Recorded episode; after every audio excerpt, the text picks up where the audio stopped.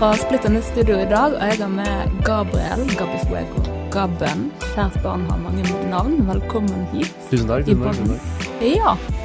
Skal vi begynne med at du har lyst til å skyte i basen? Oi, er vi der allerede?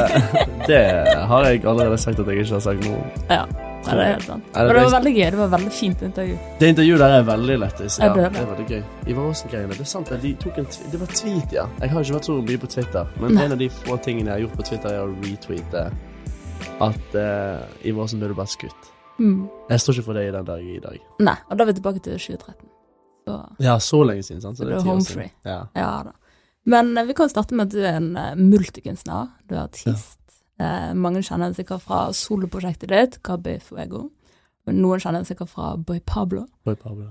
Noen kjenner kanskje fra Ballestrand badeklubb, eller en av de 10 000 andre tingene du holder på med. Men du er blant annet daglig leder i et tekstiltrykkeri. Det òg. Det er veldig spesielt. Ja. Det Så gøy. alt dette skal vi grave i i dag. Mm. Men først kan du gi meg et ord om eh, hvordan dagen din er så langt. Veldig bra. Ja. Ja, ja. Energized. I dag, Energized. Ja, I dag er første dagen jeg føler sånn jeg er litt tilbake igjen, og uh, sykt nice. Drikk- Sovet godt. Du drikker en veldig spesiell te som du har fått. En kinesisk urtete. Ja, med 21 urter. 21 urter. Den har jeg fått av deg. Som du kunne drikke ti kopper av. Ti Maks. kopper av maks. Og som skal balansere en del ting Ja. i kroppen. da. Ja. Chakraen og Chakra en ting eller to og datt eller gi eller Jeg vet ikke hvordan man uttaler det. Men eh, sen, energy. sånn. Det viktigste er intuisjon, og det er jo at det skal bli bra. Ja, det er det viktigste. Eh, Så her i denne podden, vi starter jo aldri med å anklage gjestene for å skyte noen. Nei, Vi starter alltid i barndommen. Så hvis du eh, liksom går tilbake til når du var liten gutt, i Åsane, Ja. husker du hva du drømte om da? Jeg har faktisk alltid drømt om å bli rockestjerne. Eller det er sånn alltid Jeg drømte først om å bli racerbilsjåfør. Jeg elsket Petter Solberg. Og så, eh, når jeg ble litt eldre, så var det egentlig rockestjerne. Min far har liksom drevet med musikk alltid.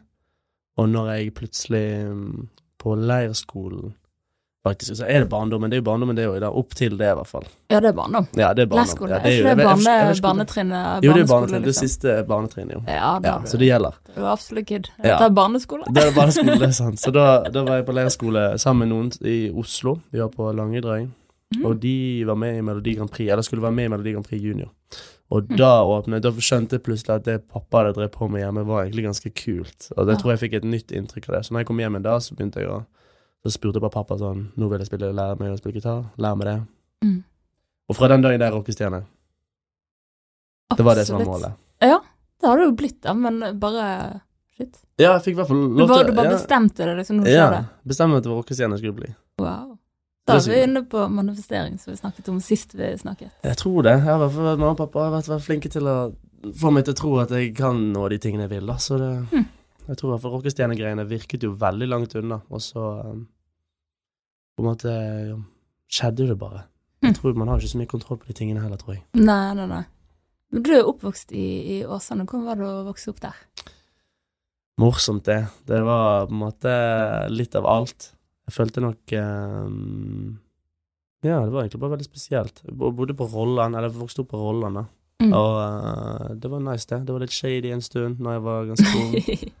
Men det var på en måte litt det. Så det var liksom sikkert mye sånn her eh, Eller jeg følte jeg ble ganske skjermet òg. Mamma og pappa ville på en måte vel at jeg skulle holde meg unna ganske mye greier. Altså sånn holde meg unna mm. faren, da. Så Ja. Åsen hadde jo en del liksom Det var jo slåsskamper og litt sånne ting som skjedde, så det var jo Mm. Det var jo en del ting, men jeg prøvde jo alltid å holde meg unna det. Men Ja, det var Du var ikke med? Ikke så mye. Jeg har vært litt med. Ja. Litt, så det er sikkert en god grunn at de prøvde å holde meg unna, men det var eh, Det har nok preget litt, ja, av min barndom at det var mye sånn tøffing, men samtidig så er det sånn Hvor mye var det egentlig? Men jeg opplev- opplevde det iallfall som at det var litt sånn eh, utfordrende. Ja. Og det var en fugl som eh, hvisket meg i øret at du, du begynte ganske tidlig å jobbe. Du hadde en ganske spesiell høssel hustle eh, på barneskolen. Er det det der med Eller hva hvilken hvilke hester er dette? Er det Men hvis du sier sko, da? Ja, sko, ja. ja. Det var når jeg begynte på var det, Når var det, da? Ja, det var litt eldre Nei, jeg var litt eldre når jeg gjorde det, men det var kanskje Ja, for det var nærmere videregående, tror jeg. Men da Mm. begynte jeg å Begynte veldig interessere meg for sneakers. Mm. Det gjorde jeg ganske tidlig. Og det er også en sånn ting som jeg har fått fra pappa. Pappa var også veldig interessert i når han var ung. Og Mm. så begynte det igjen å klaffe med noen jeg kjente som også digget det, og så Mm. fikk litt kjelen for det. Og da var en av mine main hustles å, å vaske skoene til folk. Så jeg sa til folk at jeg hadde lagd en eller fått tak i en spesiell såpe som ikke ødelager skoene. Jeg stemte det, var det det? Ja, men det var ikke så spesielt, kanskje. Men jeg solgte det inn, da. Jeg har alltid vært en sånn litt selger, så jeg var litt sånn Ja, jeg tror jeg tok 100 kroner skoen. Så jeg hadde liksom et par av det. Så jeg var sånn Ja, betal med 100 kroner, så får du dagen etterpå kjemperegnene. Mm. Så det var det et punkt til plutselig hadde fem-seks par som ikke var mine hjemme, og sto og skrubbet i badet. Og satt, vi hadde vi varmekabler på badet, så jeg satte de opp ned, så tørket de dagen etterpå. Jesus. Og leverte de tilbake på skolen til de, de? Ja, ja, så fikk alle helt rene sko. Hva var din beste måned på det her, da? Åh, det husker jeg ikke. Men det var gode penger. Jeg kjøpte jo sko med de pengene jeg tjente, så det var, sånn, det var en sykt bra hustle. Så pantet jeg flasker på toppen det, og så har jeg alltid vært hiven på å gjøre. For når han sa det, du skjønner sikkert hvem som har sagt det, men når han sa det, så trodde jeg ikke på det. Å, er det Så sant? bare, jeg vet ikke om jeg skal spørre om det, for nå tok jeg det helt spontant. Ja, gud gøy, da. Nei, det, det er helt sant. Det, ja, det er helt sant. Det var veldig morsomt. Jeg tror mine foreldre har ledd mye av meg. Eller det vet jeg at de har gjort, men jeg tror nok de har hatt det ganske gøy med sånn oppdra meg og se at sånn Ja, for jeg har gjort mye sånne rare ting som det der. Du virker jo veldig kreativ, da. Ja, kanskje det. Jeg har liksom aldri sett på det som en kreativ ting, kanskje. da Jeg har kanskje følt at jeg ikke var så kreativ som jeg skulle ønske jeg var. Så jeg har liksom Men disse tingene, igjen, da, som du sier, når jeg er blitt litt eldre, så Jeg tenker at det er veldig kreativ Ja. eh, måte å tjene penger på. Ja, det er jo det. det er jo not your average eh, income i den tiden der. Det er sant. Ja, det er sant. Jeg fikk Mm. jo tjent litt penger og Ja, ja. kjøpt meg det jeg ville. Hm. Så det var Jeg måtte jo det. Måtte jo tjene penger. Jeg fikk ikke penger hjemmefra. Mamma og pappa har alltid vært veldig flinke til Mm. at jeg må lære det selv. Så det er jo da måtte Mm. jeg bare finne måter å gjøre på. Da ble du kreativ, da. Mm. Hvis vi spoler fram noen år, så turnerer jo du verden rundt med Boy Pablo. Det tok Ja. jo fullstendig av. Hvordan startet det eventyret for din del? For min del så startet det med en telefon. Eller sånn, meg og Nico vi har vokst opp med hverandre. Vi er familievenner. Ehm, og uh, Heter det samme? heter det samme. Så vi har jo spilt lenge på det. Men newsflash, vi er ikke i familie. Men vi, altså, jeg er ikke Kan gjerne være familiemann. Han er jo som en, liksom, som en bror for meg. Mm. Så det begynte egentlig mest som en, en telefon fra han. da Vi hadde liksom begynt å få litt kontakt igjen når vi var ungdommer. Og så uh, begynte vi å spille litt fotball sammen. På sånn her uh, Bare sånn søndagsfotball oppe på Mm. utenfor Barents stadion. Og så uh, begynte han på videregående på Kongshaug. Skulle begynne å gå på internatskole for musikk. Mm. Så sendte han meg bare melding en dag og var sånn Du, jeg tenker på å starte et band til en sånn greie. Og det var egentlig mest bare sånn musikk eh, De skulle ha sånn musikkvisning eller sånn på Mm. eller, en eller annen konsert på skolen, da. Og så Ja. var han sånn Jeg må samle et band, spiller du fortsatt gitar? Så jeg tror han bare var litt higen på å sånn henge med meg. Og så var jeg sånn Og da hadde jeg akkurat lagt fra meg gitaren, for jeg Mm. spilte en god del gitar, og så søkte jeg meg inn på Langhaugen, kom ikke inn på Langhaugen på Ja. så jeg var litt sånn Ok, da er ikke dette for meg, jeg legger det fra meg. Å, Så fikk jeg melding av han sikkert bare et par måneder seinere, der han var sånn Ok. da var det et tegn. Det var et tegn. liksom, ja, det var, ja, det var litt det det føltes ut som. For jeg hadde ikke noe problem med å gi det opp, men jeg syntes det var litt sårt. Men samtidig så var jeg sånn Jeg vil heller legge det fra meg enn å på en måte pie. Så da, Mm. Og da fikk jeg telefon av han der og var sånn Har du lyst til å være med? Og så var jeg sånn Ok, ja, jeg spiller fortsatt, jeg er med. Så hadde Ja. jeg ikke spilt på lenge, men da bare satt jeg og øvde Mm. hver dag for å på en måte prøve å bli flink nok, der, for jeg visste at hvor god han var. Ja. Og så begynte vi bare, spilte vi den konserten der, og så ble vi på en måte et lite band, ble kjent med et band da, så ble jeg kjent med de som andre der, begynte å henge mye på skole der. Mm. Hvilken skole var det, da? Det er den Kongshaug musikk Ja. eh, som Mm. ligger ute på Lepsøy. Mm. Så det var um, litt av en uh, opplevelse. Det var det. Det var, eh, det var egentlig bare sånn det begynte. At uh. Vi bare begynte å spille sammen der, begynne å henge, og Mm. så uh, hadde vi det bare gøy med det. Vi tenkte ikke så mye over det. Begynte å lage noen musikkvideoer. Vi hadde Fabio, som er en av mine beste kompiser, Mm. som på en måte tok litt rolle som uh, manager, da, på en måte, eller i hvert fall tok uh, ansvar for det Hva heter det? Ut, liksom utseendet på det. Hva heter Ja, det? visuelle. Visuelle av Ja. hele greia. For han var holdt på mye med sånt allerede da, var veldig interessert i det. Ja. Så han bare begynte å henge med oss og var med og gjorde sin del i det. Mm. Og så var det en av disse videoene som Ja. blowet, da. Ja. Boom. Og så Helt av. Ja, men nå er jeg her. Men inn, det har jo skjedd ting innimellom. Det skjedde masse Det innimellom. har det, skjedd veldig mye ja. innimellom, så jeg vil høre mer om det, da. Mm. Så begynte liksom i det små i Bergen, spille på scenen eh, lokalt her. Mm. Så tippa liksom Oslo, kanskje Biler om Øya, Ja, sånne ting. ja, før man ja. ut av landet. Ut av landet. Ja, nei, ikke med Bruk Pablo, men Bruk Pablo så var det på en måte alt før Norge. Det var på en måte vi, Videoen blowet. Ingen la egentlig som spesielt merke til det på, i, i Bergen generelt, eller bare sånn det jeg Mm. visste. Folk Mm. begynte å preke om det, for det videoen tok jo skikkelig av. At det begynte å være sånn 100 000 visninger dagen og sånn. Så Ja. folk var jo liksom Hva er egentlig Eller hvorfor? Jeg følte Ja. folk veldig i Norge var sånn spurte hvorfor det funket, Mm. mens alle folk i utlandet var sånn Ja, seff funker dette her, da. Så Ja. det var veldig sånn Vi ble booket til en full turné i utlandet før vi på en måte hadde gjort en egen gig i Norge. Mm. Bare, vi hadde liksom gjort et par warm-up-gigs, men det kom liksom et punkt der vi bare ikke hadde noen flere giga planlagt. Og så skjedde dette her, da. Plutselig så blowet det opp på Reddit. Det var egentlig sånn det begynte. Mm. Så um, ja, begynte utlandet, og så fikk vi alt det Norge-greiene skjedde etterpå. Det var liksom P3 hev seg på liksom etter et år Mm. liksom spilling, og Ja. vi spilte ingenting i Norge på en måte før det hadde gått en verdensturné, liksom. Det var mange som så på det. Jeg husker jeg jobbet i Utetrend eh, Ja. på den tiden, så vi var jo kjempeseine ute med å skrive om han og, og bandet. Ja, jeg tror folk bare var litt uh, Jeg tror bare det, det er jo en sånn ting som kanskje ikke ga mer Eller det ga mer mening i verdensbildet, for det var mye Mm. indie som kom da, og det var mange, en del Mm. unge artister som vi ble kjent med seinere, og som var i den bølgen, da. Og Mm. det var en internasjonal bølge som skjedde på den tiden der som vi på en måte fikk lov til å ta en del av, da. Mm. Og den var liksom ikke så mye i Norge, så jeg tror det ble litt sånn Vet ikke. Ja. Distansiert fra det, på en måte. Jeg tror ikke folk skjønte det. Hvilke land var det dere ble størst i, da? Jeg vil vel påstå at det er Indonesia. Mm. Ja, Indonesia er garantert der vi har gjort de største enkeltgigene, i hvert fall. Mm. Ja, sånn Mm. det, ja. Så da er det ut på tur, liksom, til for eksempel da. Indonesia, med hele bandet og Med hele gjengen. Intenst, da. Intenst. Og unge. Ja, vi var jo bare kids. Ja. Jeg er fortsatt bare en kid, men vi var bare kids der. Jeg var bare, i hvert fall den gangen. Jeg du noen gøye historier. da.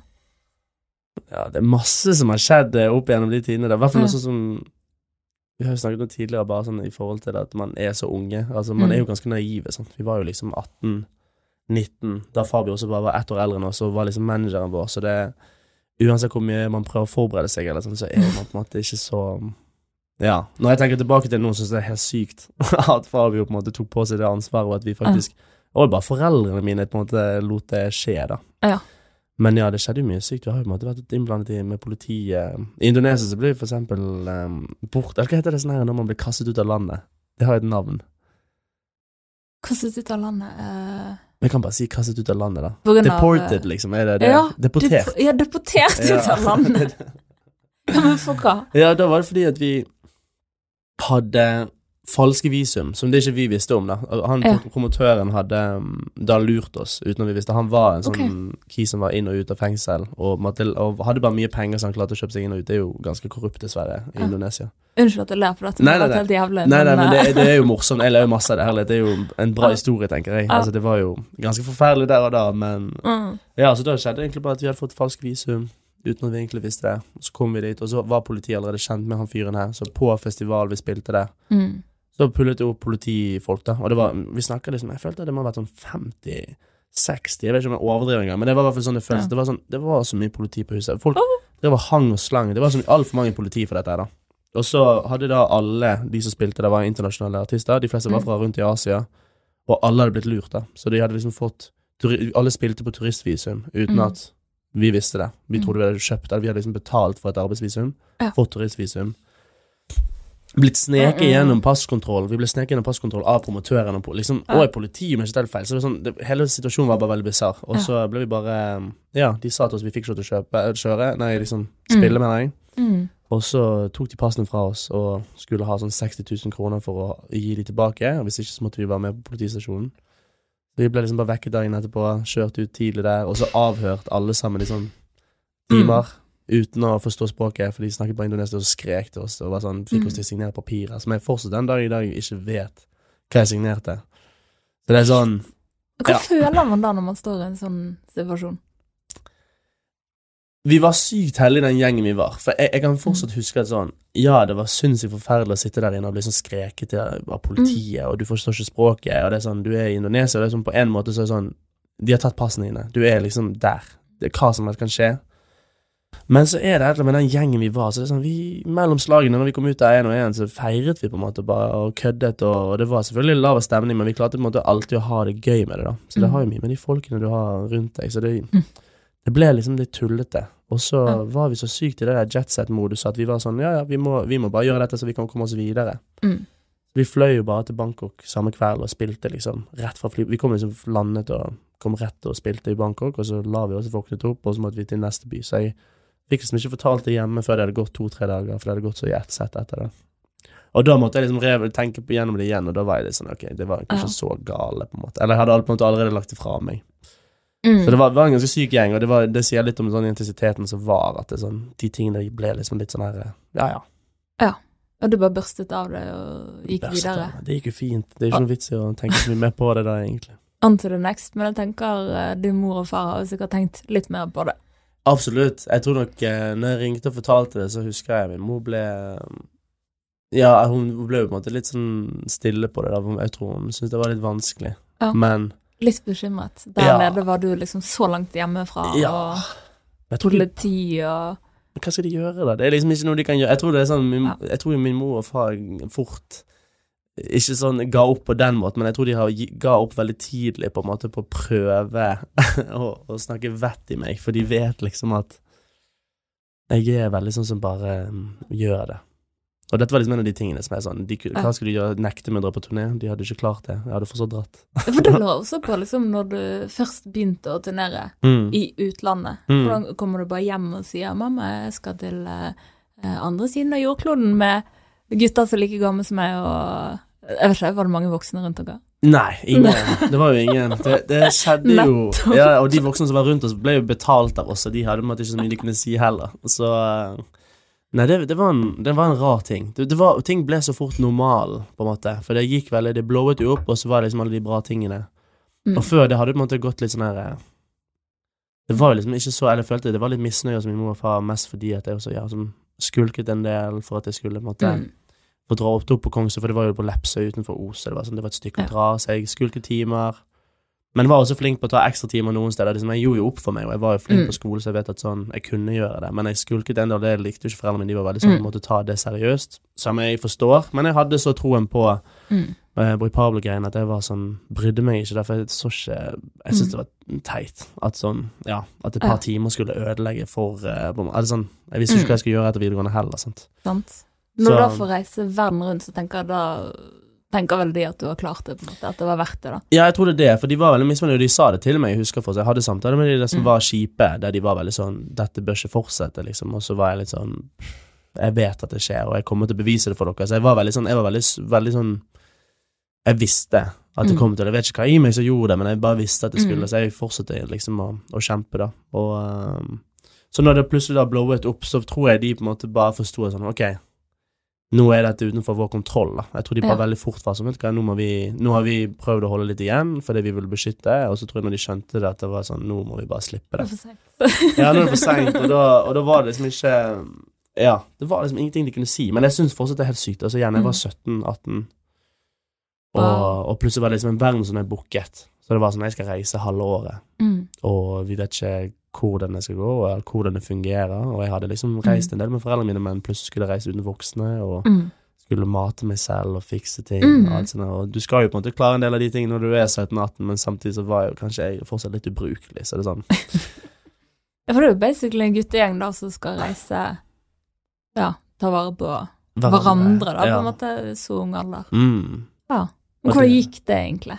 Klarte dere å ta vare på hverandre tror- og seg selv, liksom? Jeg tror på um, Jeg tror hadde vi hatt Hadde vi nok Altså, reflektere nå tilbake, så tok vi nok langt ifra hverandre så godt som vi kunne ha gjort, men det har jo Ja. også med informasjonen vi ikke satt på, sant. Igjen, vi var 17-18-19 og, ja. og hoppet ut i dette, og uh, det var mange inntrykk, mange avgjørelser, Mm. mye ansvar. Det var mange ting som skulle tas opp, eller som tas fatt i, da. Så Mm. jeg føler vi gjorde absolutt det beste ut av situasjonen, det gjorde vi alltid. Vi hadde Mm. liksom Hadde aldri hatt lyst til å gjøre det med noen andre, eller på en måte Det var det, Mm. var det beste. Jeg har jo de, har jo de beste minnene for livet, men Mm. det tærte nok på alle oss, liksom. Til den dag i dag, det som skjedde på grunn av at det var så høyt tempo Mm. igjen, og vi hadde på en måte ingen som hadde et ytre perspektiv, som også kanskje hadde mer erfaring, som kunne fortelle oss hva ting som var viktig å prioritere, Mm. som blant annet mat, og og være liksom i form, og eh, på en måte Ja. noen som kunne hjelpe oss å takle problemer, da, for eksempel. Sånn, Mm. sånne generelle ting som skjer innad, som kan eh, Ja, for det er liksom Det er veldig vanskelig å forklare til noen som ikke har vært i det, hvordan på en måte Mm. turnélivet er, for det, det er såpass en egen boble og egen verden Mm. der sånn normal blir helt visket vekk, og så Og når du ikke har noen som forstår det på samme måte da, så blir jo Så skulle vi bare finne ut av det selv. Jeg er helt ute. Men det må jo ha vært sinnssykt intenst, Veldig. på en måte, når du er på veien med, med Lite søvn. Mange konserter. Mm, mye friksjoner til slutt, Mye sikkert. friksjon, ja. Ja. Og det skjer jo naturlig, sant. Det er jo Du er proppet oppi hverandre, i bord, liksom. Altså, vi sov jo i bilen, sov lite, liksom. Sov liksom nesten ingenting om nettene, og hadde på en måte skitt i stedet å bo, og så var vi liksom rett frem, og så var det konsert, og så er i en by, liksom sånn. All trygghet forsvinner jo, Mm. og alt liksom komfortabilitet fins det jo ikke. Så det er sånn Mm.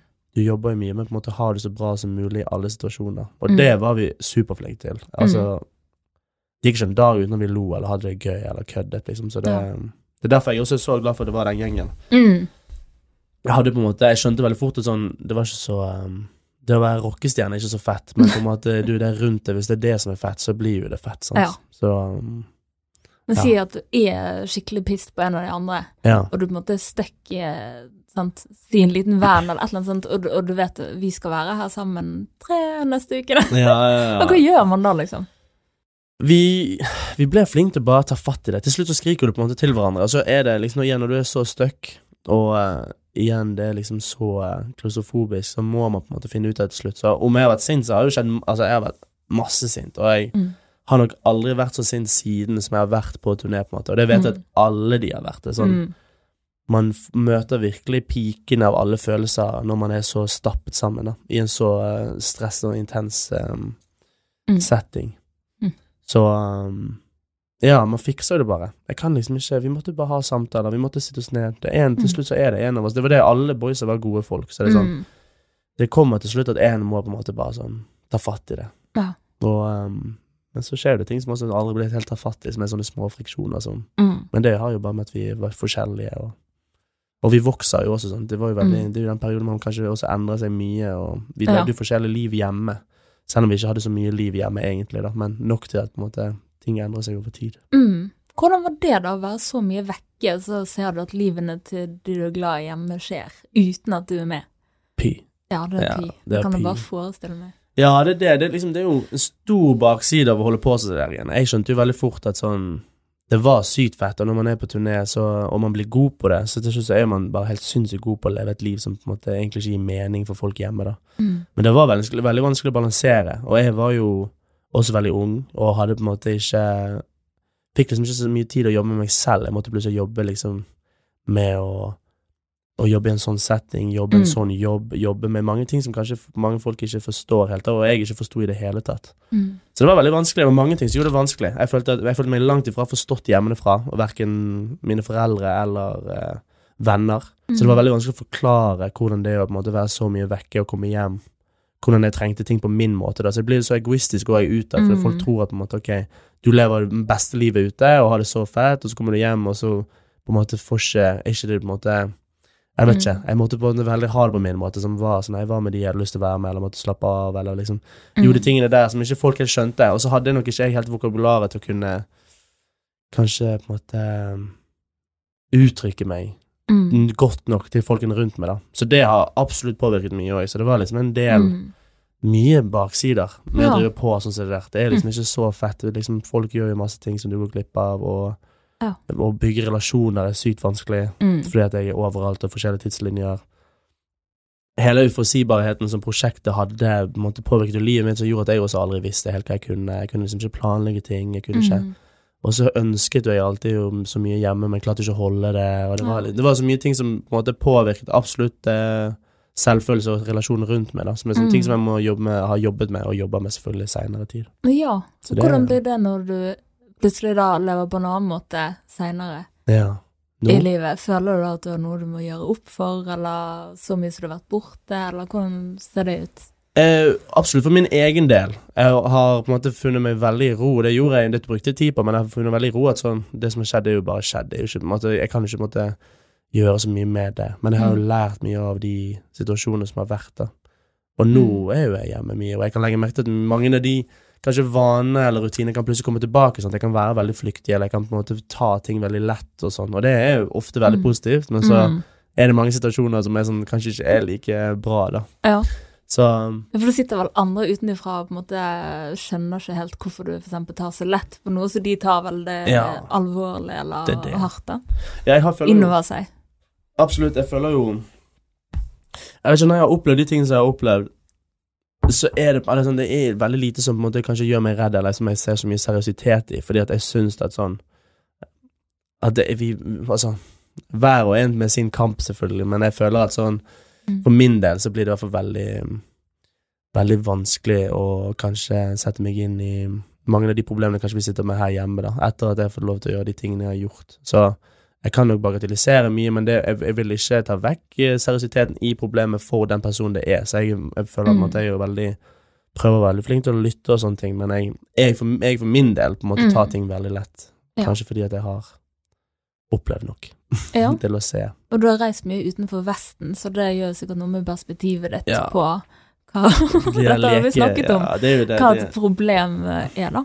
tulleproblemene vi har her hjemme. Altså vi, igjen, de problemene er jo så ekte som man gjør det til selv, og, Mm. og selvfølgelig går vi gjennom mye, vi også, men ja. Jeg tror Mm. ikke Jeg tror jeg bare ble veldig scarred av å være ung ute i verden, på en måte. Du Ja. lærer mye som du kanskje ikke har lyst til å lære veldig fort, og så um, setter jeg sykt pris på det i dag, da. Ja. Absolutt. Det gjør jo at jeg klarer å jobbe under press, og det er sånn, Ja. ja. Jobbe under press og sove litt. Alle, alle disse tingene her, Mm. det krever ikke så Sjonglere mye. mange ting. Det kommer vi tilbake ting. til etterpå. Mm. Men hva er ditt beste minne fra den tiden?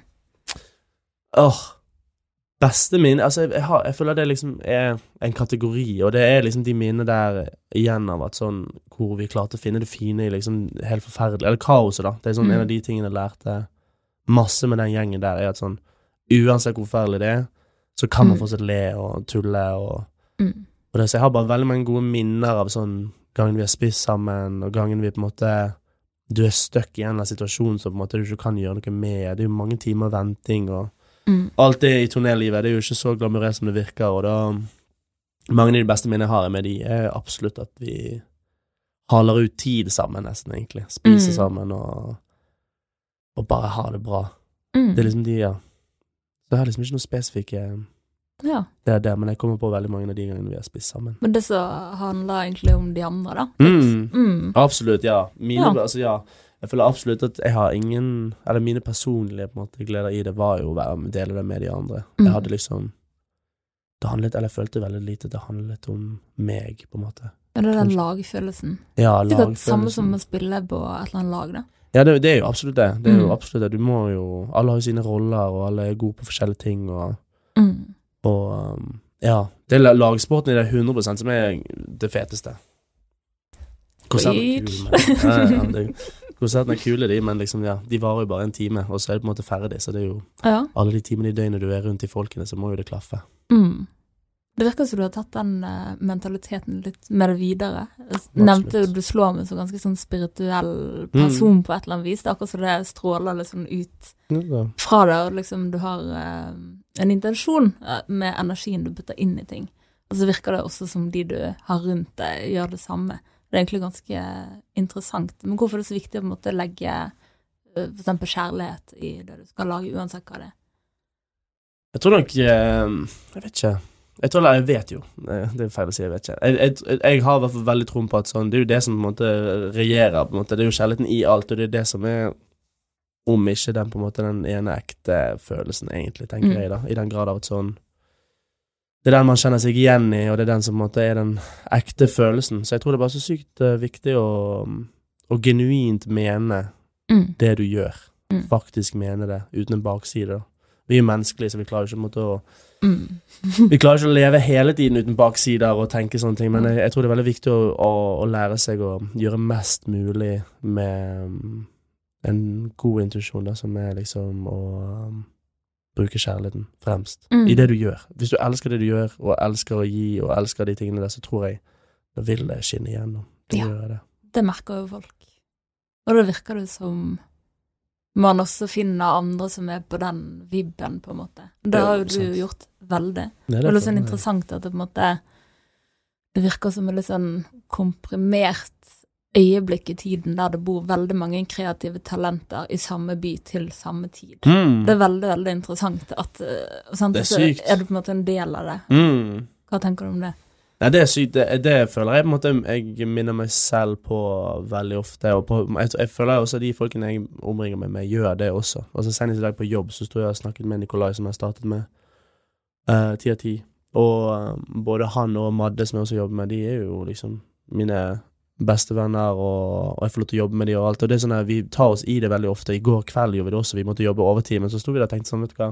Vi jobber overtid, men det er en jobb vi liker, og vi, Mm. vi som bestemmer selv, og det Så vet ikke, det er et eller annet med å bare være sykt eh, Det vet ikke, det er helt herlig å være rundt sånne folk som på en måte er så åpne også om hvor bra det er, da. Og det er jo på en måte Det er helt absurd å leve i en tid som jeg får lov til å dele med folk som forstår meg Mm. på en sånn ting som er veldig vanskelig å snakke om. da Altså Som ikke trengs å snakke om heller. Det er liksom en forståelse Ja. utover nødvendigvis hvordan man har vokst opp, eller hva man gjør, og de tingene har plutselig ingenting å si. sant? Det er Mange av de folkene kanskje ikke vet så mye av historien deres til deg heller, og, Mm. og egentlig så bryr man ikke så mye om hva de gjør på, men det er et eller annet med at vi deler veldig denne verdien og, og kjærligheten for på en måte å gjøre godt, da, og, og Mm. være til stede. Mm.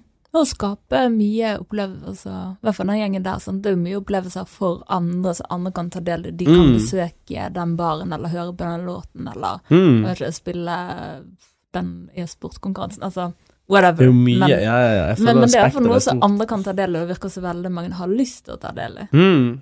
Tror Det må være en god følelse at man Ja. står bak noe sånt. Jeg tror det igjen så handler det om at vi gjør det fordi vi også elsker det, men også Mm. sånn Jeg vet, kan jo snakke for meg selv, jeg vet at sånn Det er jo Ja, det er, det er den genuiteten igjen, sånn ærligheten i det, og vite hvorfor man gjør det, da, og at Jeg gjør jo ingenting av de tingene jeg gjør fordi at jeg vil at folk skal digge det, på en måte. Det kan jo ikke jeg Mm. bry meg om. Det er jo på en måte bare Det er jo bare en konsekvens, på en måte. Så jeg virkelig Mm. vil jo at jeg digger det, og de folkene som jeg bryr meg om, digger det, og så vet jeg at sånn det, Hvis det er ekte og ærlig, så skinner jo det gjennom, og flere folk vil ta del i. Og det er jo på en måte en åpenhet som vi vil ha, da. Og det vil jo jeg ha også. Jeg vil jo ikke måtte ekskludere noen i det, men Mm. Bare også sånn man har det gøy å liksom se folk på scenen som altså uttrykker hva en som på en måte er inni det, og som gjør noe kult som man yeah. har lyst til å se på. Husker vi satt og så på Up and Smoke Tour-DVD-en liksom, når Ja, vi gikk på, fordi at man digget det de gjorde, man så at de hadde det gøy.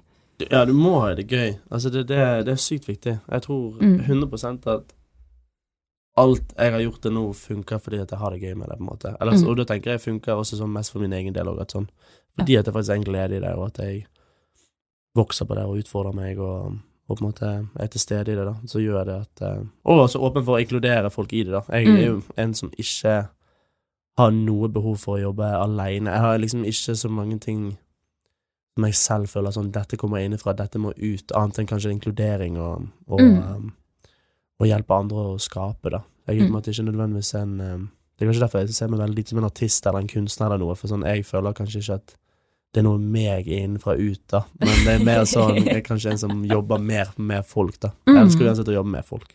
Ja. Og du er altså du på en måte involvert i Boar, altså rommet, Ja. vet du, hjulpet til mye der. Og e-sport, er du det? Ja, ikke så Litt? mye e-sport, nei. Det er jo liksom, igjen, det er jo Fabi som styrer det, så det er sånn Mm. uh, Der er jeg på en måte ikke annet enn vært med bare sånn som en støttespiller. Og det Ja. samme med rommet. Jeg har på en måte ikke vært en Mm. direkte innkobling, men uh, mer bare sånn støtte. Jeg er med Ja, på men det du, du har en finger med i spillet i veldig mange ting. Ja, jeg prøver å hjelpe der jeg kan. Ja. Det er jo fordi jeg ser hvorfor de gjør det, da. Så Ja. det er jo Dette er jo folk som både inngår med rommet og Fabi med e-sporten, så er det kompiser av meg som måtte Ja, jeg ser Mm. hvorfor de gjør det, og det er en passion, og jeg tror det er Mm. veldig Det er sykt viktig å backe. Herlighet. At det skjer noe i det hele tatt, det er liksom sykt viktig. Ja, og de er jo dritflinke.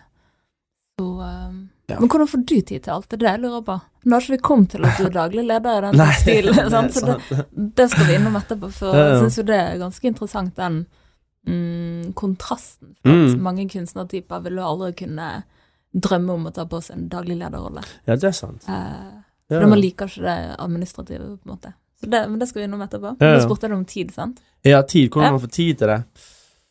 Nei, har jeg tid til det, da? Jeg har jo på en måte ikke så mye tid ellers, da. Jeg bruker jo mye av tiden min. Det er jo en av de tingene jeg, jeg jobber litt mer med nå. Da. Sånn, jeg kan ikke være ja-menneske hele tiden, selv om jeg elsker det. Jeg får jo Mm. mye energi av å si ja og være med og hjelpe og, og se ting bli skapt. da. Jeg trenger liksom, jeg har ikke behov for at jeg må ha en nødvendigvis en eierfølelse, annet enn å vite at jeg, jeg bidrar. Så det Mm. blir jo en type eiersfølelse, da. Men jeg i hvert fall elsker å bidra, og kunne få lov til å Mm. være med og påvirke, eller bare generelt være en støtte, da. Men jeg ser det, jeg har, måte, det har gjort at jeg ikke har hatt så mye tid til meg selv, eller mange ting, og på en måte å ha energi, da. Jeg har på en måte Mm. brukt mye av det, og så har mye av min egen tid blitt brukt til å restituere, og da måte har det allerede kommet på minussiden, det er ikke på en måte på null og opp, da. Så det er en ting jeg øver mye på. Så har, Ja. hvordan får jeg tid? Har jeg Jeg vet ikke om jeg egentlig har tid til det. Jeg, på lager måte, tid. jeg lager på en måte tid, og noen Mm. ganger lager tid som egentlig ikke er der òg, som dessverre. Men hvordan henter du det inn i det? Har du gått på noen sånne type smeller på disse tingene? Når jeg var yngre, ja. I hvert fall med Mm. sånn tidlig på Pablo-greiene, når eh, jeg prøvde liksom å leve fullt liv hjemme og fullt liv på turné. Da la jeg Mm. merke til at jeg smalt, og så har jeg på måte hatt et par ganger opp gjennom tiden òg der, og klaffe frilansgreiene hjemme. Eller det er liksom helt å tatt ha et liv. Jeg har alltid prøvd å liksom ha et maks liv hjemme også samtidig som jeg er på turné, på grunn av som vi snakket om at det har vært vanskelig å ikke være helt til stede hjemme, da, for at mye av Mm. tiden har blitt brukt til restitusjon. Så eh, ja. Mm.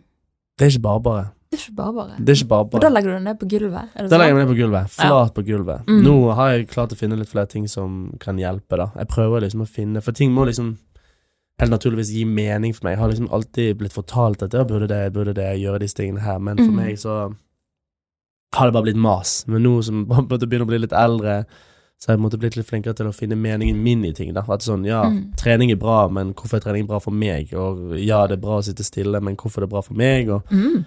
Liksom prøve å finne de tingene som faktisk knytter seg direkte til meg, og ikke en sånn allmenn 'dette er bra Ja. fordi at vi mennesker burde gjøre det'. Da, det er gir, det derfor, ja, da gir det mer mening for meg. Det skal jeg inspireres av. Ja, det er bra. Det har Så. godt av å tenke litt sånn. Ja, det er nice å gjøre det. Så da har jeg vært sånn, ja, morgenrutiner.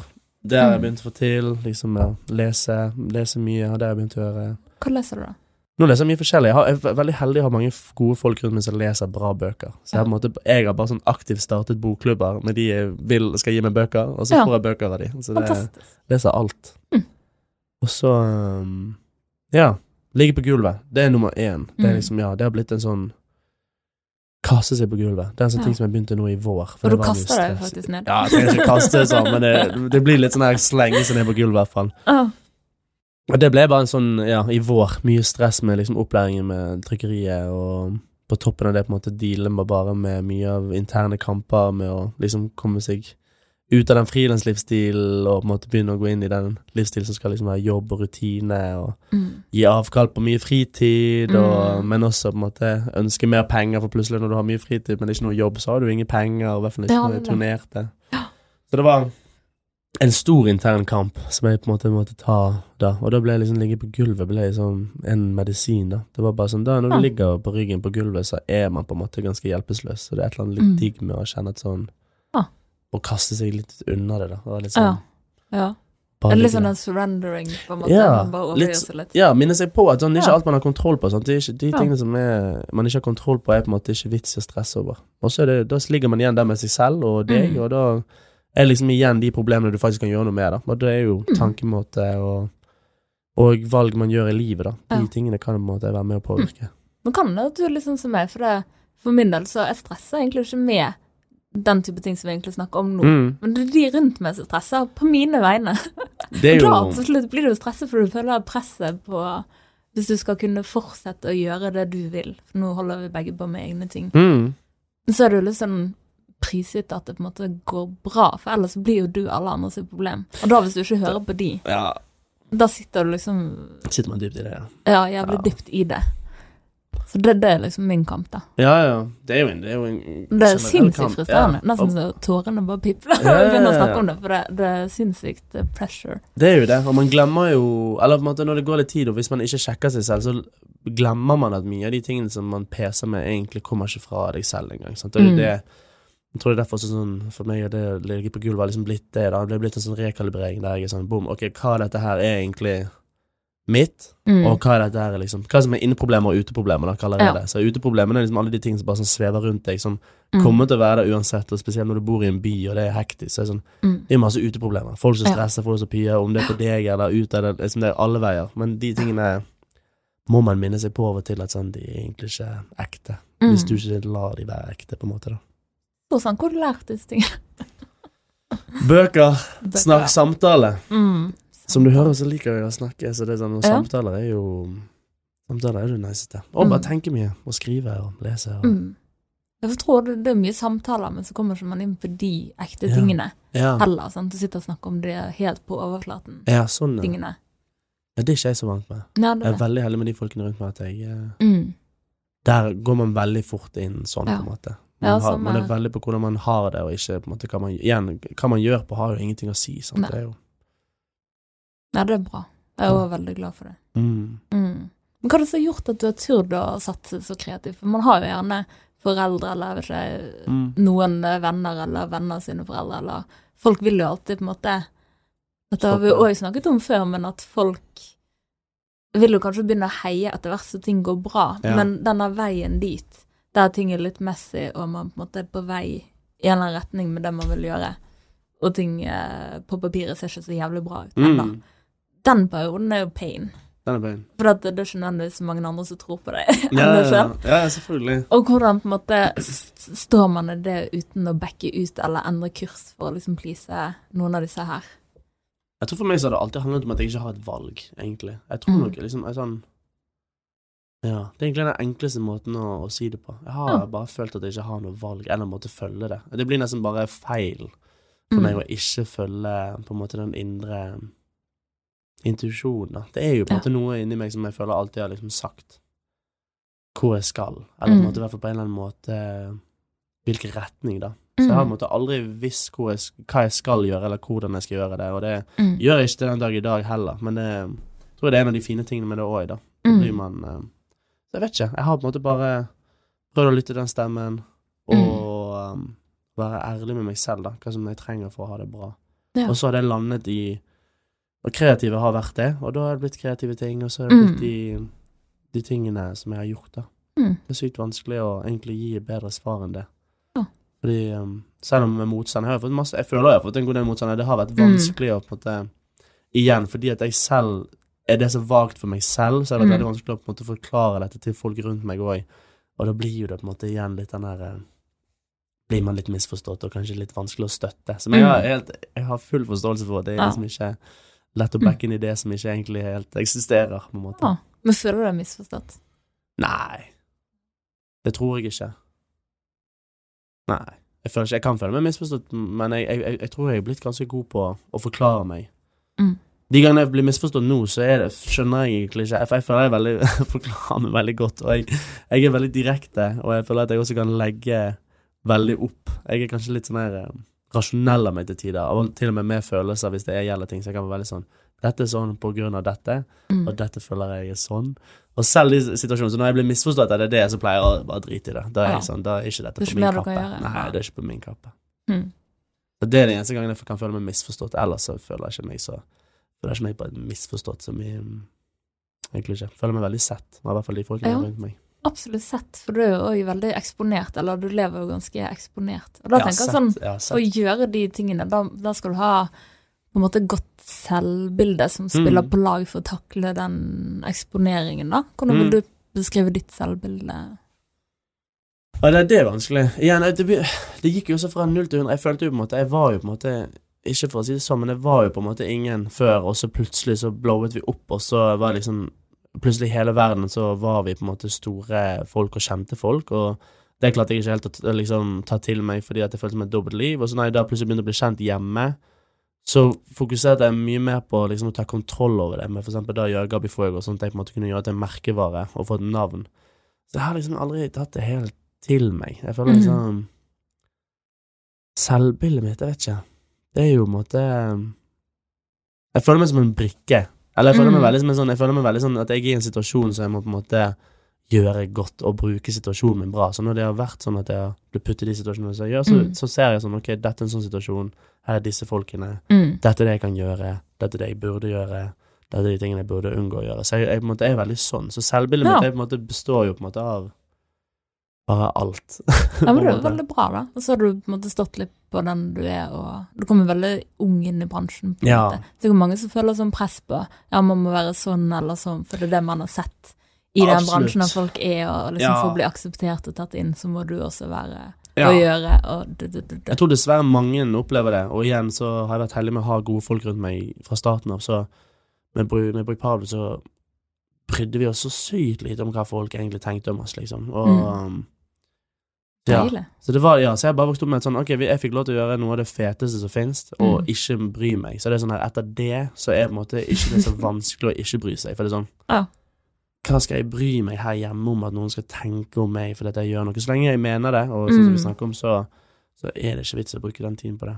Så jeg har bare veldig så ja, jeg har ganske, garantert et ganske Jeg er veldig selvsikker på en måte på meg selv fordi at jeg har på en måte fått lov til å gjøre mye ting da, og, Mm. og vokse og utfordre meg selv i noe som folk kanskje vil se på utrygge rammer, men for meg har det Mm. vært den eneste måten å gjøre det på. Ja. Så da, ja, Mm. det defineres jo hva som er utrygt og trygt veldig Ja, Man blir sikkert vært veldig herdet av å ha hatt den eh, på en måte oppveksten der som du har hatt. Absolutt. Ja. Ja, ja, veldig herdet. Det er veldig lite som på en måte påvirker meg. Men når det først påvirker meg, så er jo det, så er Ja. det kjipt, det også for meg. Jeg opplever jo kjipe ting, jeg òg. Det er jo, det er jo hver sin, ja, hver sin kamp. Mm. Vi skal inn i spalte. Ja. Pingvin i fryseren, er du klar? Spalte! Ja, take it away. Hva fikk deg til å le sist på internett? Les sist på internett. Jeg vet ikke hva direkte, men jeg har sluttet å se på TikToks fordi det blir altfor rabbit hole i det. Men nå har jeg plutselig sett litt sånn reels, og min Instagram er på spansk, så jeg får bare spanske TikToks, og da får jeg sånne fra ut på landet i Chile og sånne ting, som jeg driver og sender til pappa. Oh. Så det er garantert en av de videoene det er en av de som fikk meg til å oh. le mest sist. Oh. Hva og hvor drikker du helst på byen? Hvor? og ja. Nå har det vært rommet, selvfølgelig. Mm. Må jo backe hjemmebane. Ja. Men bortsett fra det, man går jo på alle stedene. Legal og Tempo og Viken og ja. Hva drikker du der, da? pils. Pils? Ja, jeg jeg er en pils. Gjerne snitt. Prøver å holde meg på snittene. Jeg har aldri bare- fått ned en øl noen gang. Har du aldri fått en Nei. øl? Okay. Altså en hel, eh, et helt glass eller en hel ikke snitt boks. engang? mm, snitt. Ja, det er sånn de små. Nei, har du ikke prøvd så mange nye øl, i og med at jeg ikke er liker øl. Eh, Ser den. ja, jeg må fortsette å prøve. Men jeg ser jo den. Jeg, jeg tror bare jeg syns øl er det enkleste. Ja. ja, altså jeg har veldig lyst til å like det. Det både føler det ser mye kulere ut og mye billigere ofte. Sitte, sitte i parken med en pils enn sitte med plastikkvinglass. Jeg ser den. Jeg ser den. Det er veldig morsomt. Hva er det beste komplimentet dere skal å ha fått? Oi.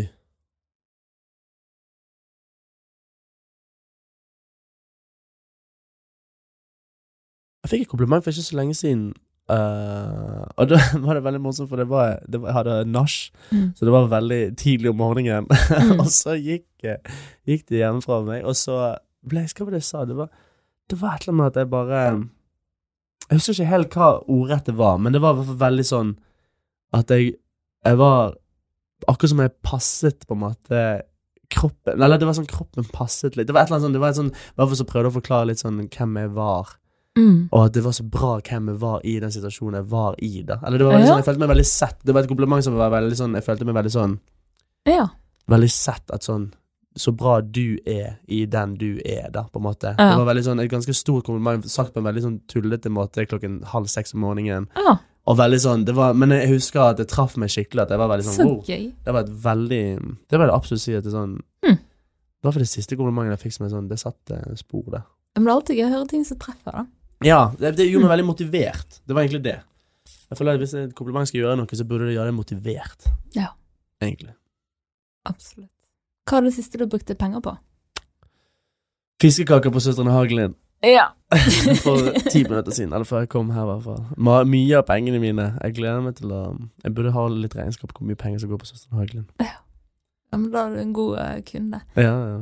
Ja, dette blir nesten litt eh, sjukt å spørre om men hvem er Bergens beste band? Bergens beste band. Ah, hvem er Bergens beste band?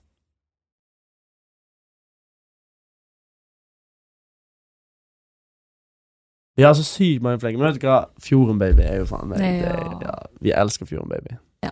Vi elsker Fjorden Baby. Og jeg elsker Ja, det er Og jo Sturle. sant, Og flere av de da, men, og, eh, ja da. Det er liksom altså det, Alle de er så fine boys. Um, da må du synge en uh, strofe av din favorittsang med de.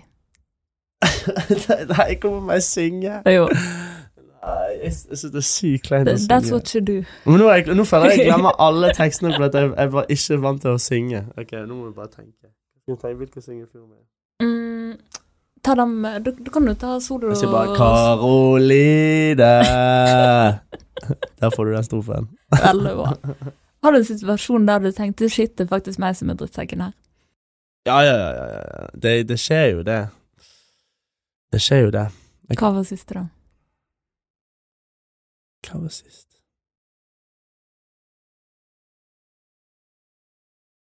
Det, det skjer jo ofte. Eller man må jo lære. Det er sånn, jeg, ikke, jeg Mm. føler ikke at jeg er en drittsekk, men jeg, kan jo, jeg er jo igjen en impulsiv fyr, så mange ganger så kommer ting kanskje liksom ikke så bra ut. Så det har garantert skjedd et eller annet på kontoret. Og garantert, Jeg har en følelse at det er noe jeg har sagt til Madde som jeg kanskje var litt drittsekk gjort, og så har hun sagt meg at det var litt drittsekk gjort, og så har jeg sagt det unnskyld. Så det, det fikser seg alltid.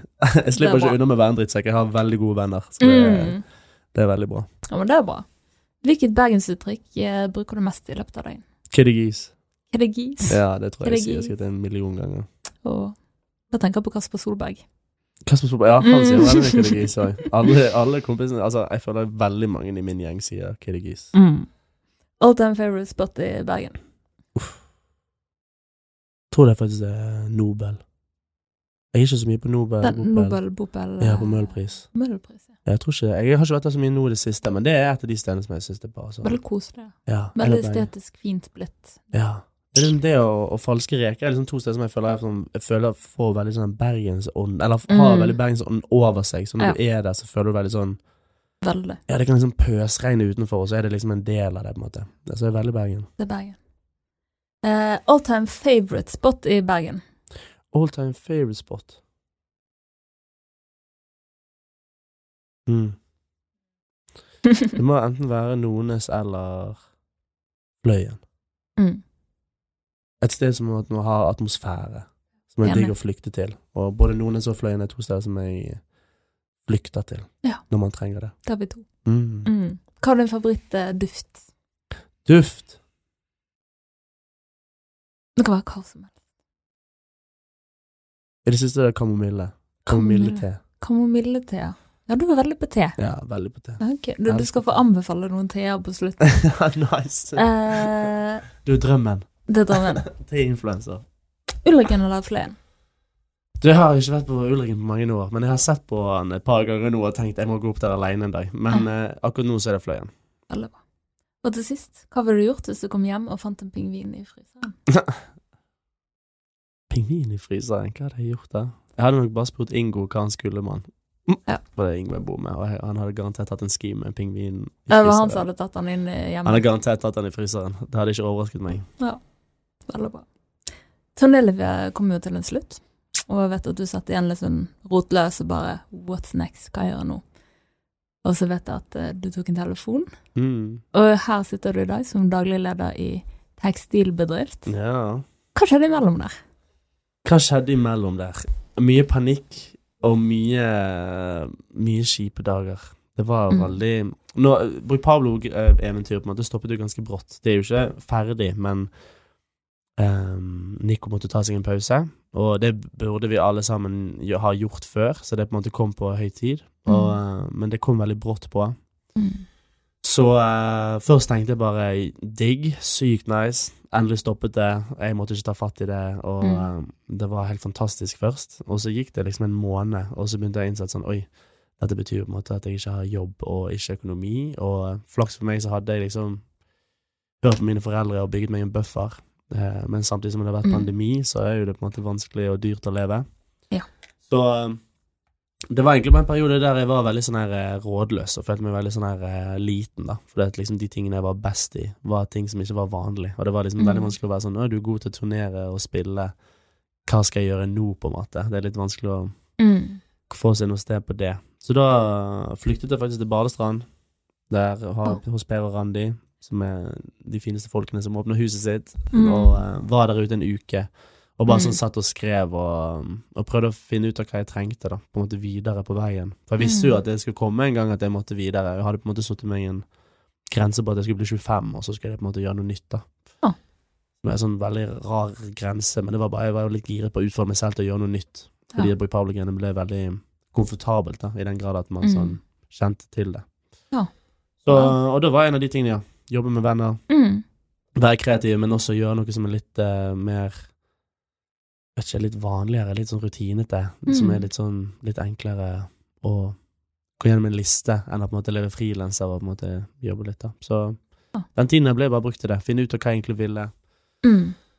Grounde seg selv litt, og stoppe opp litt, og Ja. puste og Ja. Da var det på rett sted for deg, da. ja Herregud. Balestrand er det beste stedet å dra uansett, men i hvert fall puste litt spesielt. luft. Mm, ekte luft. Mm. Ja. Ekte luft. Så det var Ikke egentlig det som skjedde. plass. Det er ikke. Danmarks plass, ja. Uff, nei, nei, nei.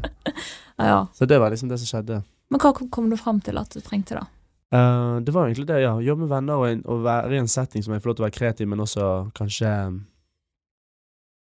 ja, gjøre litt mer uh, strukturerte ting, da. Eller være sånn her vite litt sånn ah, litt A til B, litt sånn prosjektjobb som jeg vet er sånn Mm. litt enklere og ja, sånn komme seg gjennom steg til steg. Og noe og så var det også noe som jeg visste Jeg hadde lyst til å gjøre noe som jeg kanskje måtte bli flink på, da. Og noe som jeg ikke kunne fra før av. Mm.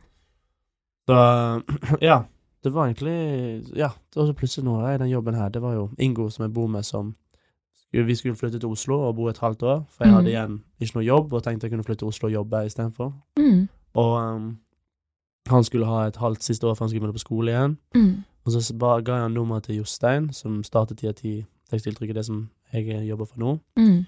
Og uh, ga han nummeret fordi jeg tenkte han garantert hadde noen kontakter til uh, Ingo i forhold til kontorer, da.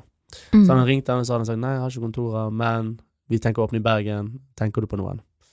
Og så hadde Ah. Ingo måtte sagt dette til meg, og så tok jeg bare telefonen med Jostein, og det var mest for å bare prøve å hjelpe ham med nettverk og sånn, for jeg likte, jeg hadde veldig godt inntrykk av Jostein, og Mm. han er sinnssykt, liksom, han er et geni, og bare i forhold til jobbing og sånt, han bare sånn, kan få alt til å skje, han har gjort det i så mange år, så jeg var sånn veldig gira på å ta del i det og hjelpe, da. Ja. Med det jeg kunne. Og så hadde vi bare et møte, og det, på slutten av det møtet så spurte meg bare om jeg hadde lyst til å styre det, og så var jeg Mm. sånn, og starte det sammen med han, da. Ja, det er faktisk sjukt at du går inn i møtet for å hjelpe han Ja. nettverk, og går ut av møtet Men som jo. daglig leder. Ja. Ja, det var veldig, veldig besatt. Sykehus. Ja, jeg forventet liksom ikke det i det hele tatt, og jeg var jo på en måte bare veldig ærlig med henne, og jeg tror Mm. nok han bare sikkert hørte at jeg hadde litt At jeg på en måte sammen med han lagde litt en plan der i forhold til hvordan det Mm. kunne funke. Så tror jeg han bare var litt Ja, han, han er en veldig god menneske, kjenner han også, i forhold til sånne Mm. ting som det der, å bare vite Jeg tror han bare så det, at sånn jeg kunne, kunne klare det. Ja. Men liker du, er du en som liker uh, struktur? Uh, ja, jeg gjør jo det, men det, det må være en blanding. Det må Mm. være en balanse. Sånn, struktur er bra, men jeg legger merke til perioder som jeg har mye struktur, at sånn, da har jeg veldig behov for å på måte bryte løs. Så jeg prøver på en måte å finne en måte å ha balansen på Mm. det, da. For det, mm, jeg er veldig glad i struktur, og du, man trenger struktur for å på en måte ha overskudd. Mm. Eh, så man må ha det, men jeg trenger også å føle av og til at jeg kan Mm. gjøre hva jeg vil. Ellers Ja. så føler jeg Ja, ellers mister jeg liksom Ja. Føler meg litt klaustrofobisk. Det er veldig interessant, for det Når du på en måte holder på med alt dette andre du gjør, som er litt mer kanskje i kunstgate, Mm. på en måte, og så har du dette her på helt andre siden av Altså, Ja, ofte krysses jo aldri de to. det er Det er sikkert derfor manager fins, for det at så mange vil jo ikke orke å se et Excel-ark, eller liksom budsjettere noe, eller prise noe, Det er sant. kalkyler og dritt. Ja, ja, nei, man vil jo ikke det. det man, Ja. man vil jo bare ha det vekk. Men nå er det en del av din hverdag, vil jeg tro. Ja, Ja, Det går fint, eller? ja jeg syns det er fint, jeg. Jeg syns Mm. at uh, Jeg synes jobben min egentlig ikke er så Jobben min nå er ikke så langt vekk fra det jeg har gjort før. på en måte Det er, veldig sånn, det er en veldig kreativ jobb, og jeg har mye med på en måte å Det har mye med på en måte sånn markedsføring og på en måte kundegreier og mye sånne ting. Og alle de tingene der er på en måte til over til liksom det å være artist og sånt. Egentlig ganske det samme. Det handler jo om Mm. å promotere seg selv, bare at nå promoterer jeg en business. Og Mm. Kunder er på en måte det samme som før når jeg på en måte jobbet med folk og sånn, eller alltid var i en nettverkssituasjon. Så er jo det det samme nå også, så Mm. jeg behandler det veldig likt. Jeg på en måte prøver jo ikke å Jeg ser ikke på meg selv som en selger. Jeg på en måte vil jo selge til de som på en måte altså, Det er jo mer et samarbeid for min del. Da, sånn, Mm. Vi er trykkeri, du trenger å trykke noe, du holder til i Bergen, vi trykker det. For det at det feteste for deg og det feteste for oss er å trykke det og gjøre det i Bergen. Mm. Så det er på en måte en veldig sånn føles, føles veldig genuint. Så jobben er ikke så langt unna. Det er jo selvfølgelig mye med regnskap og Mm. kjøre lønn og på en måte det å jobbe med venner i forhold til liksom struktur er jo veldig nytt. det er mange ting som jeg liksom ikke er vant til, men som jeg lærer mye om nå, da. Mm. Men det var jo det du ville. Du ville jo lære noe helt nytt. sa Ja, det Mm. er det. Så steg én er bare å være bevisst på at du ikke du kan noe, og at du er åpen for å lære, og så Ja. ta det litt som det kommer. Du har Så sikkert lært mye om silketrykk og sånn òg. masse, Mm. masse, masse. Det, Nikolai som jeg startet det med nå, han eh, og meg, eh, når vi ble venner for sikkert seks-syv år siden nå, så var en av de første tingene Begge to var veldig også sånn giret på å gjøre ting, og Mm. var veldig interessert i sånn streetwear og sånne ting. Så det var, Mm. det var en av de første tingene. Han var allerede liksom begynt eh, litt i kunstløypen, Mm.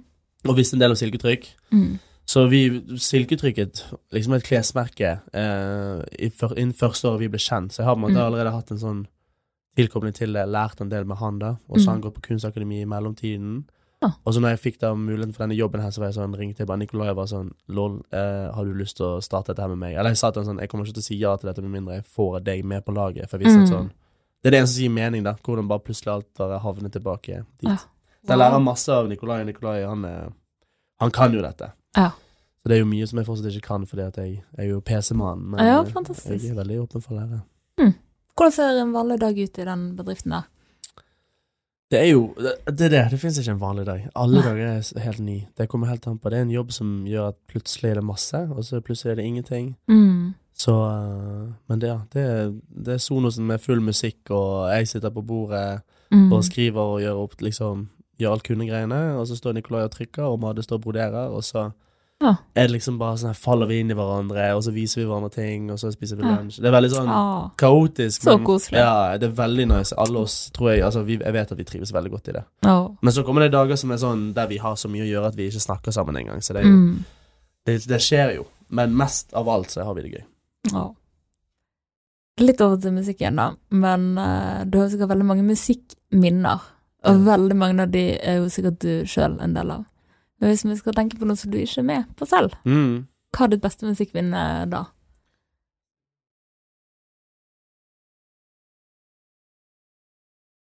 Mine. Mm. Bare sånn generelt som har med musikk å gjøre, da. Mm. Eller tenker du konserter og sånt? Det, det kan inngå i det. Eh, For min del, jeg tenker alltid på konserter, da. Men, eh, men det kan jo også være Ja, vi nevnte jo Up and Smoke Tour, DVD-en, for eksempel, Ja. før i dag, men det er jo veldig godt minne at vi satt liksom hele gjengen og så på. Jeg vet ikke, jeg. Men ikke involvert i Jeg vet ikke, jeg føler Det som har vært skaden med å drive med så mye med musikk, er jo at jeg klarer veldig sjelden å nyte ting som har med meg på en måte. Det har jo blitt jobb, nesten. sant? Så det er sånn Mm. å være på konserter og Mm. Er egentlig ikke så fett, syns jeg. Så Ja. jeg har veldig få musikkminner som ikke involverer meg selv, og de gangene det involverer meg selv, så er det mest fordi hvem jeg er med, om de spiller på scenen. Mm. Så ja. Det er veldig vanskelig å si et musikkminne uten meg selv. Okay. Ja, men da tar vi et der du er med, da. Nei, da kan det være hva som helst. Da er det nesten Ja. sånn Øya i fjor, liksom, da jeg fikk lov til å dele scenen med med liksom Ingo og og Per og Emir. Liksom plutselig så Mm. fikk liksom mange av de folkene som jeg hørte på musikken før jeg lagde musikk, og som jeg kanskje absolutt så litt opp til med å tørre å lage musikk. Så fikk jeg liksom gjøre det største showet jeg hadde drømt om, sammen med de, da. Mm. Det er Så nydelig. Absolutt peak eh, musikkmoment, kanskje. Det ga, ja, det ga meg i hvert fall veldig motivasjon til eh, resten av livet, i forhold til at sånn, ok, dette var garantert et mål som jeg kanskje ikke hadde sittet med, men det føles veldig som en sånn stort, Mm. stor happening i livet, da. Det er bare sånn, I min tidslinje. Ja, det skjønner jeg veldig godt. Og det du sier med at sant, For du har en del eldre artister som du er venner med nå i dag, Mm. men som du da sikkert har sett på når du var mye var yngre. yngre. Ja, ja, Og de har vist liksom Dette kan man faktisk gjøre fra Bergen. Har du tenkt noe på at du kan være den personen for de yngre i dag? Ja, det tenker jeg faktisk ikke på i det hele tatt. Ja, det er litt koselig. Ja, det er veldig koselig. Jeg tenker, Mm. jeg håper i hvert fall sånn, jeg håper mer at jeg kan inspirere på, på en måte å være til stede, eller hvor viktig det er å støtte, da. For det er, sånn, det er jo Mm. en sånn ting som jeg håper folk tar med seg, mer enn at det jeg gjør er kult, på en måte. Mm. Hvis folk på en måte syns at det er kult det jeg gjør, så det bryr jeg meg ikke så mye om, egentlig. Men jeg Mm. håper folk kanskje kan bli inspirert til å, å støtte, da. Jeg forstår hvor mye av måte, kulturen blir bygd på at folk faktisk eh, hjelper hverandre og, Mm. og støtter. Ja. Så det håper jeg kan inspirere videre. Men jeg syns det er ganske skummelt å tenke på at det skal påvirke noe andre enn meg selv og klikken min. Jeg tror det er det som gjør at jeg klarer på en måte å Mm. ikke tenke så høyt om det. For det Ja. sånn, jeg føler jeg gjør det bare veldig for meg og, ja. og gjengen. ja. Mm. Men man viser jo fortsatt at det er mulig, da. For du gjør det jo fra den byen her, for eksempel. Det er jo det. Mm. Og jeg er veldig glad for at jeg, jeg føler meg veldig som en fyr som kanskje ikke er helt sånn her Folk vet helt hva jeg gjør, og det tror jeg kanskje er en av de beste tingene jeg vet. Jeg Håper denne episoden kan hjelpe på det. Nå har vi vært ja. innom litt forskjellige Ja, nå har vi mye forskjellige greier. Men um, du har jo òg samarbeidet med mange store navn, Mm. eksempel Astrid S. Ja, Astrid S. Ja, hvordan er det, da? Disse samarbeidene. Veldig morsomt. Jeg, jeg, jeg føler igjen, i den perioden i livet når det skjedde, så Mhm. var det fortsatt på høy gir. liksom. Jeg gjorde liksom Bruk Pablo samtidig som jeg måtte starte mitt eget prosjekt og liksom turnerte. Og når jeg var hjemme, så var det bare liksom Mm. gjøre dette prosjektet. Så jeg tar meg selv i å tenke sånn flere ganger nå i ettertid at sånn, det er jo hysterisk. Eller jeg syns det er veldig hysterisk at jeg har eh, på en måte Mm. gjort det. Mm. og det er jo sykt bra. Det er jo en skikkelig Ja. Det er en skikkelig gøy ting, og det er jo på en måte ikke noe annet enn det jeg ser på det. da Det er veldig gøy at jeg fikk samarbeid med hun og Mm. ha en god relasjon med liksom hun. Det er jo Mm. var, det var på en måte Det skjedde jo veldig Ja, det er naturlig, det òg. Det handler mye om å være på rett sted til rett tid, og Mm. Hvor hun bare var giret på å være med, for hun så at jeg var giret på det jeg gjorde, og, og herlighet. Det er, jo lett, det er jo sykt å få jobbe med Mm. noen på det kaliberet, da. I, Mm. altså, hun, hun kill, altså, I studio så var hun bare Hun er jo helt syk. Hun er på bare sånn Synger klokkereint og gjør alt helt rett, på en måte, hvis man kan si det. Men jeg på måte på den tiden jeg drev fortsatt og lærte meg hvordan jeg skulle være i studio, så Ja. Det er ja, fantastisk. ja, det er veldig nice. Mm. Hva følelse vil du folk skal sitte igjen med når de hører soloprosjektet ditt? Bare gøy, lekent. Mm. Ja. Jeg vil at det skal være Ja, for meg var det um, Gabi var på en måte et alter ego jeg skapte fordi at jeg hadde lyst til å kunne være en fyr som på en måte skulle liksom være liksom den gøye og ekspressive versjonen av meg selv, da. Mm. Jeg er jo ganske det fra før òg, men en, en Mm. ekstra, ekstra versjon, da. Ja. Og, så jeg vil jo absolutt at folk skal føle på det at sånn Når jeg gjør show, så prøver jeg på en måte ikke å dumme meg ut, men jeg prøver å gjøre meg veldig sånn lett å le av, for jeg ønsker at folk skal på en måte føle at sånn Hvis han kan gjøre det der, så må Mm. jeg få lov til å kunne slippe meg litt løs, da. Ha, Så bra. Så det Mm. vil jeg at musikken min skal inspirere til å på en måte gi litt mer slipp, da. Hva tror du har gjort at det er akkurat det du vil påvirke på? Sikkert fordi det er det som har, jeg har trengt mest i mitt liv òg, og det er det Mm. jeg alltid har aspirert til. Så absolutt. Nå er jeg i en posisjon som jeg kan på en måte Mm. fortsette å Og jeg kan leve av å gjøre det jeg syns er gøyest, så da må jeg på en måte Mm. også bare være litt sånn Ja, dette er lættis. La oss le av det sammen, på en måte, men istedenfor å være så sykt sånn Ja. Ja. Vi snakket litt om samarbeid i sted, så hvis du kunne tatt levende eller død, hva hadde vært drømmesamarbeidet da? Oi. Jeg tror det vært 100 Rosalie. Mm. Ja, Rosalie var på en måte mitt neste, mest, neste mål, før jeg på en måte tok litt pause fra prosjektet. Og jeg har ikke gitt opp på det ennå, men Mm. Rosalie hadde vært det feteste. Jeg tror ikke jeg vet, ingen andre jeg hadde hatt lyst til å jobbe med, egentlig, enn hun. Mm.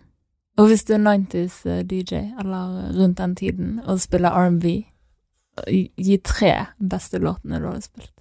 Åh, beste låt Oi, hva Det var helt sykt spørsmål. Mm. uh, det er gøy så kom med det. var det gøy? Ja, man vet at jeg elsker R&B. Jeg vet ikke hva jeg ville spilt, jeg. Jeg ville spilt A Little Bit av 50 Cent, Ja. og så hadde jeg spilt eh, Hva er det den heter igjen, da? Den, jeg tror den heter Freedom, eller hva heter den låten? Det er en helt syk låt, i hvert fall. Ah, Jeg vet, jeg, husker du hvem som har den? Nei, men jeg kan finne ut av det. Ja? Jeg må finne ut av det, for det, okay. den er faktisk helt Freedom, da tenker jeg på Beyoncé og Kendrick. Nei, det er ikke Freedom, kanskje? Den, hel, den heter